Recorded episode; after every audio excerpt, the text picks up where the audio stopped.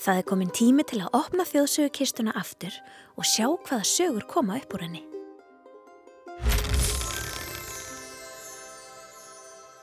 Í þessum þætti höldum við áfram með þjóðsögur frá ymsum heimsornum og heyrum í þjóðsögur sérfræðinginum okkar inn á milli. Fyrsta þjóðsagan heitir Meiri mold, meiri mold og fjallar um fyrðulegan gest sem heimtaði ansi skrítin mat í íslensku jólabóði. Svo koma tvær sögur um tröll og fuggla í færægjum. Síðasta sagan er frá Pólinesíu og segir frá því hvernig kókostreð varð til. En hvað er þjóðsaga?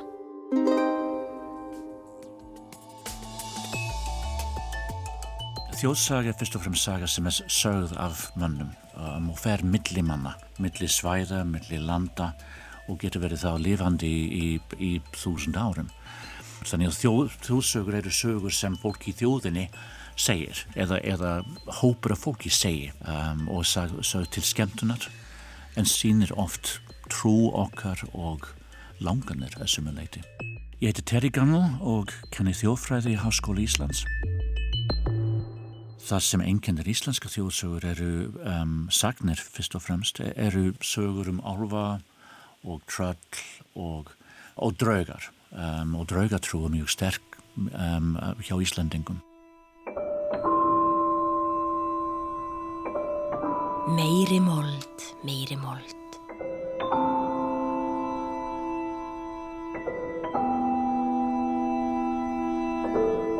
Draugar og samskipti við framliðið fólk er stór hluti af íslenskum þjóðsögum. Þessi saga er ein af þeim. Einu sinni var prestsónur. Hann var mikið fyrir að skemta sér, tók yngu alvarlega og hlustaði aldrei á negin fyrirmæli eða reglur sem honum voru settar. Jafnvel þó hann fengi skammir og gerði hann bara grínaði. Einn dag var verið að grafa fyrir nýri gröf í kirkjugarðinum við prestsetrið þar sem hann bjóð með fjölskyldu sinni.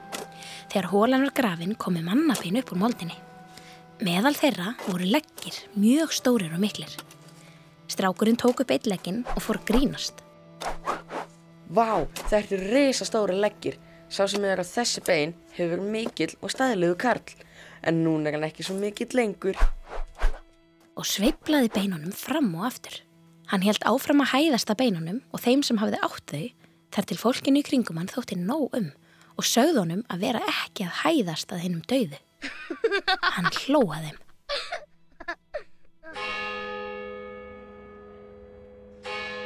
Segir ekki meira strák fyrir en líður á jólum. Þá bauð presturinn til jólavislu. Allir gestirnir mætti á prestsetrið og gerður sér hátilega vislu með góðum mat og öðrum vistum.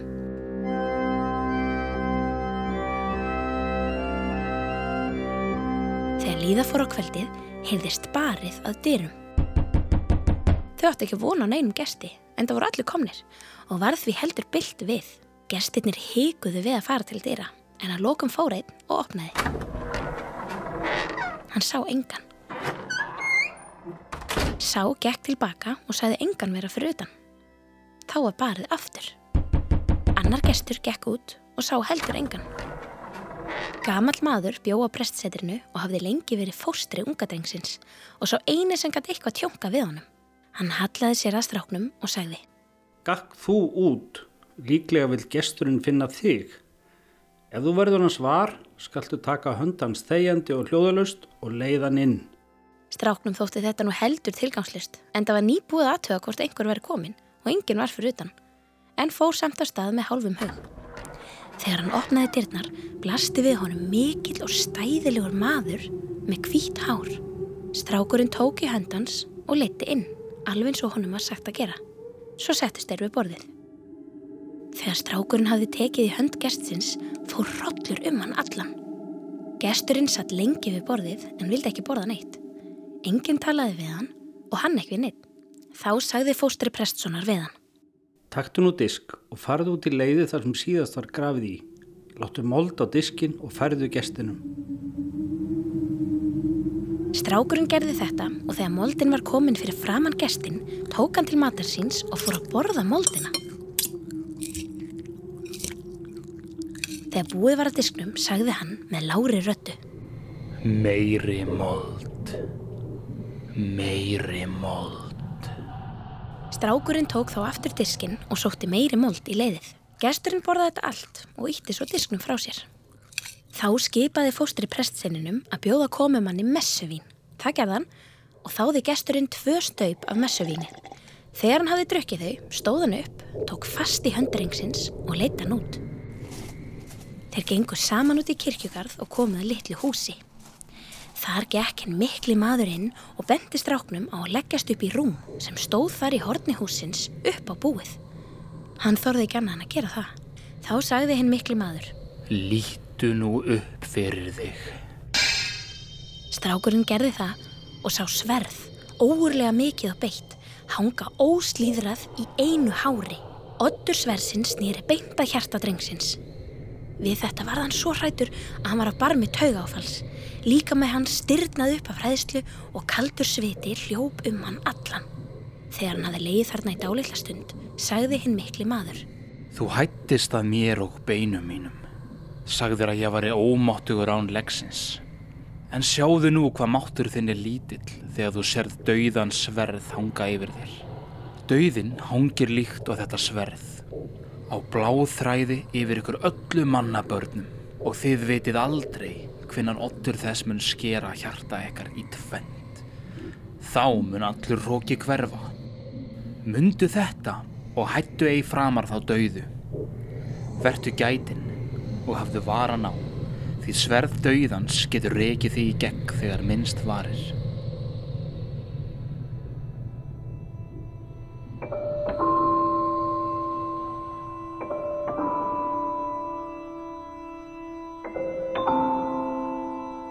Maðurinn tók nú í höndrengsins og leiti út. Þar varð pilti svo um að hann leið yfir hann. Drengsins var leitað um kvöldið og morgunin en fannst hvergi. Þegar messa stóð sem hæst á jóladag, rangaði prestsónurinn við sér og sá þá hvergi húsi sem hann hafi farið inn í. Hann stóð í miðjum kirkjugarðinu. Hann gekk til kirkju, settist á bekkin og hlíti á alla messuna. Áður fyrir hlustaði hann ekki messuna til enda, heldur fór út þegar hún síndist. Föður hans þóttu þetta breytingar til hins betra og eftir þetta var sonur hans hinn mesti siðpríðismadur og hamingjusamur. Hann glemdi aldrei nóttinni þegar dauðin hjekk yfir honum á einu hári.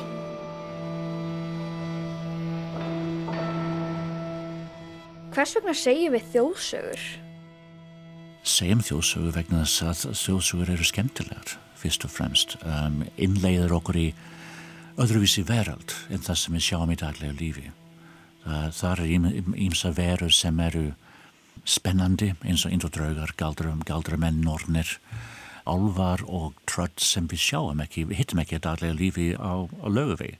Þetta eru öðruvísi sögur sem eru dölufullar og spennandi og taka okkur úr daglega lífi. Tröllin sem vildu stela færægjum.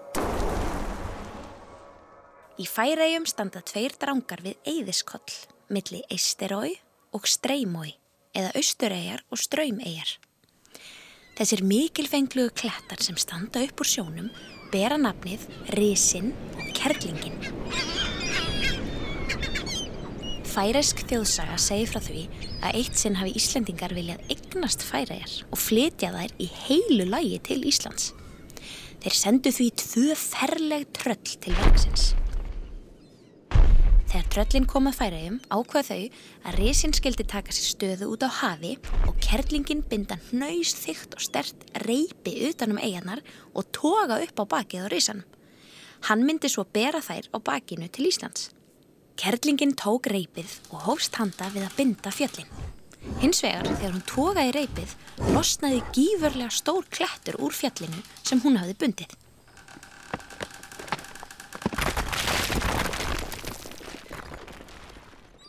Hann sést greinilega í dag og heitir Ytri Kollur.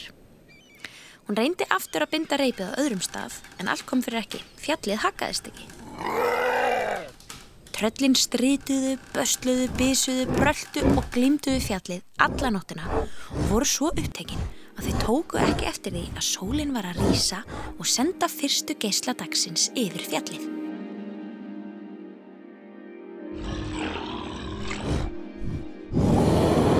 Þau óttuðust daginn sem myndi breyta þeim báðum í stein og því stökk kerlingin af stað niður og í átt til reysans.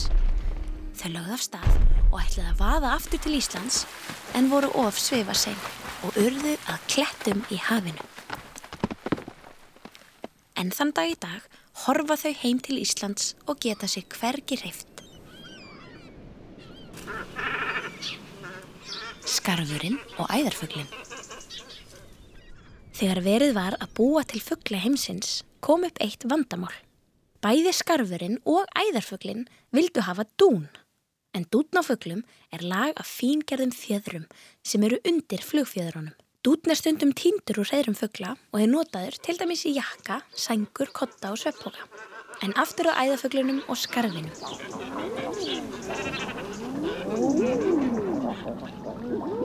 Þeim var gert að komast sjálfverða samkominlegi um hver þeirra mætti hafa þennan fingerða og hlýja dún.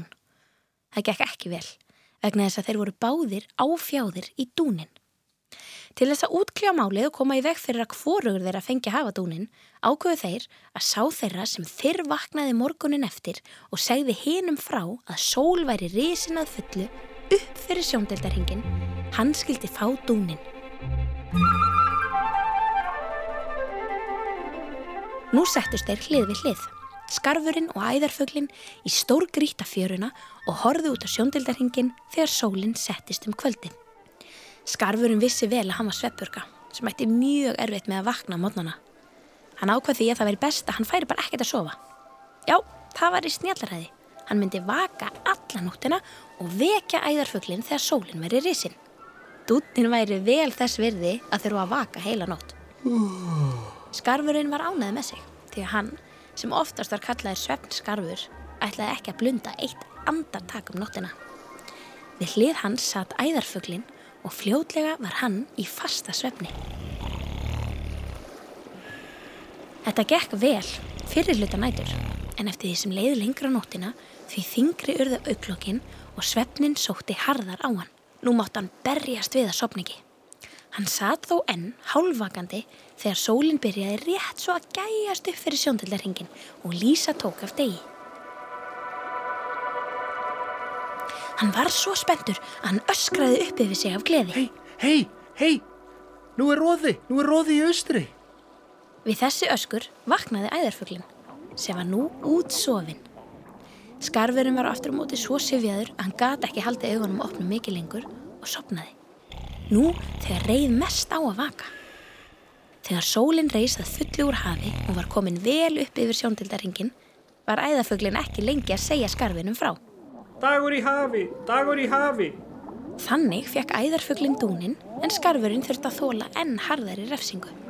Hann misti tunguna því hann kunna ekki að þeia þegar hann átti að halda sér saman. Því er oft sagt í færiðum hvers vegna er skarfurinn tungulus þegar einhverjum verður á að segja of mikið.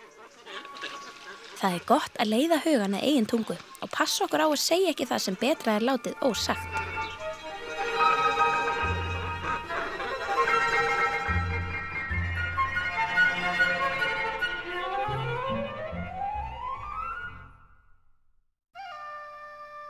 Kókosnetutrið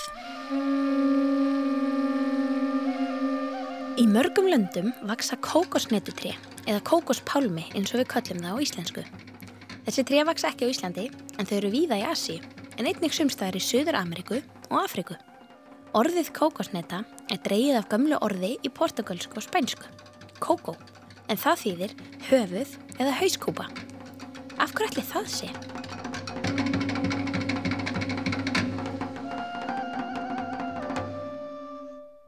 Svo virðist sem hvert einasta land, hver einasta þjóð sem býr við kókospálma eigi sögur af því hvernig treða var til. Enda eru kókosnetur mikilvægt hráefni í maturmenningu þeirra. Kókospálmi kallast ymsum nöfnum. Til dæmis er það kallað treð sem sér fyrir öllum nöðsinnum lífsins í Indlandi, treð sem nýtist á þúsund vegu í Malasíu, treð lífsins eða treð himnaríkis á Filipsegjum, treka næðar eða tré þryggja kynnslóða í Indonésiu. Svona mætti lengi telja. Það er ekki skrítið að ótal margar mismöndi sögur segi frá uppruna þessa mikilvæga trés. Hér kemur einn frá Pólinesíu. Kókospalmi er eitt algengasta treð á Tahiti en það er stærsta eigin sem tilherir Pólinesíu.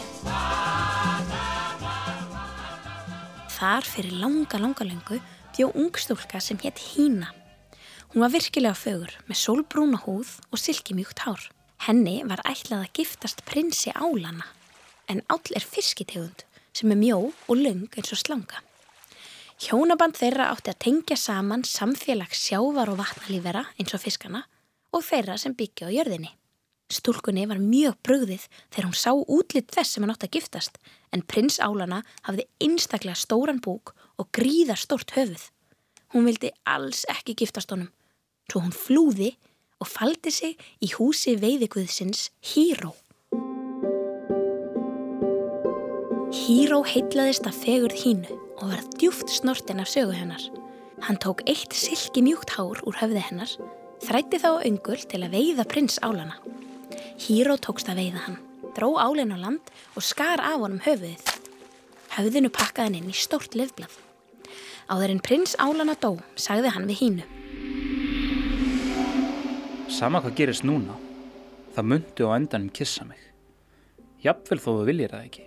Ég myndi eiga, en spátumur minn lifir að eilifu. Híró let hínu fá höfuðið í löfblöðunum og gaf henni þessi ráð. Hína hinn fagra, þú getur snúið aftur til fjölskyldu þinnar. Þar mynd þú tortíma þessu höfði. Á leiðinni heim skaltu hins vegar varast að leggja höfuð niður á jörðina því þá mun spátumur álsins rætast. Hína snýri aftur heim og með henni var fylgdarfólk hennar. Þegar þau höfðu gengið lengi hitanum á sólinni, urðu þau þreytt. Þau komuð að tærri á sem liðaðist um fallegt skólendi. Þau ákvaða að stoppa þar og baða sig. Þau stein glemdu varnaðarorðum híró og lögðu höfuð álsins niður þar sem þau afklættu sig. Um leið og höfuði var lagt niður, gróðu það sig ofan í moldina og samstundis ógst þar hátt tré með löngum búk, alveg eins og allir læginu og laufskrúði sem líktist hári. Kókospálmatréð hafði orðið til. Hína var fordæmt fyrir þessi mistök og guðurnir lögðu á hana þá bölfun að mega aldrei yfirgefa ána eða tréð þar sem það stóð. Tréð varð einni forbóðið og þorði engin að koma nálagt heim tveim. Eitt árið var gífurlegur þurkur í landinu og allur gróður vissnaði upp og þóttnaði, nema kókostrið. Þrátt fyrir að guðurnir hefði fordæmt tréð var þorstinn óttanum sterkari og mennirnir týndu ávextina kókosneitunar sem voru fullar af kókosvatni og næringaríku kjöti. Hver kókosneita hafði á sér þrjá dökka bletti, alveg eins og tvö augu og munnur. Til þess að drekka vökan úr kókosneitunni þurftu menn að setja varir sínar yfir blettina og það gerði hína. Þar með hafði hún kist álinn sem hún hafði forðum hatað og fyrirlitið. Spádómur hans hafði ræst.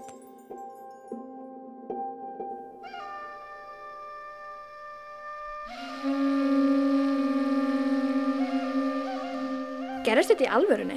Er þetta allt sannar sögur? Það eru mismöndi tegundar sögum og ævintýri náttúrulega eru ekki sann, sanna sögur. En sagnir aftur á móti eru með eitthvað sem gerðist og breytast náttúrulega þegar að meðan við erum að segja sögurnar en kjarnin er, er, er sann, er eitthvað sem gerðist. Og sagnir sína líka hvernig við sjáum veröldina. Alvarsögn til dæmis er eitthvað sem byrja með því að einhver sér eitthvað skrítið í sveitinni og vil útskýra segja öðrum frá því. Náttúrulega aðtöknin er sann og reynslan er sann og sá sem er að segja söguna er að reyna að sannfæra okkur að þetta gerðist. Við þekkjum þetta mjög, mjög all að, að sannfæra þetta gerðist, við erum ekki trúið því. En um, sögnin lifir áfram náttúrulega breytist í, í, í, í munlega flutningi. En hún lifir áfram vegna þess að hún endur spegla líka trú okkar um, um tilveru alva til dæmis uh, tilveru drauga. Þannig hún er sönn að því leiti að hún endur spegla trú okkar í daglega lífi. Þess vegna má nota sagnir til að sjá hvernig menn hugsaðu í gamla daga.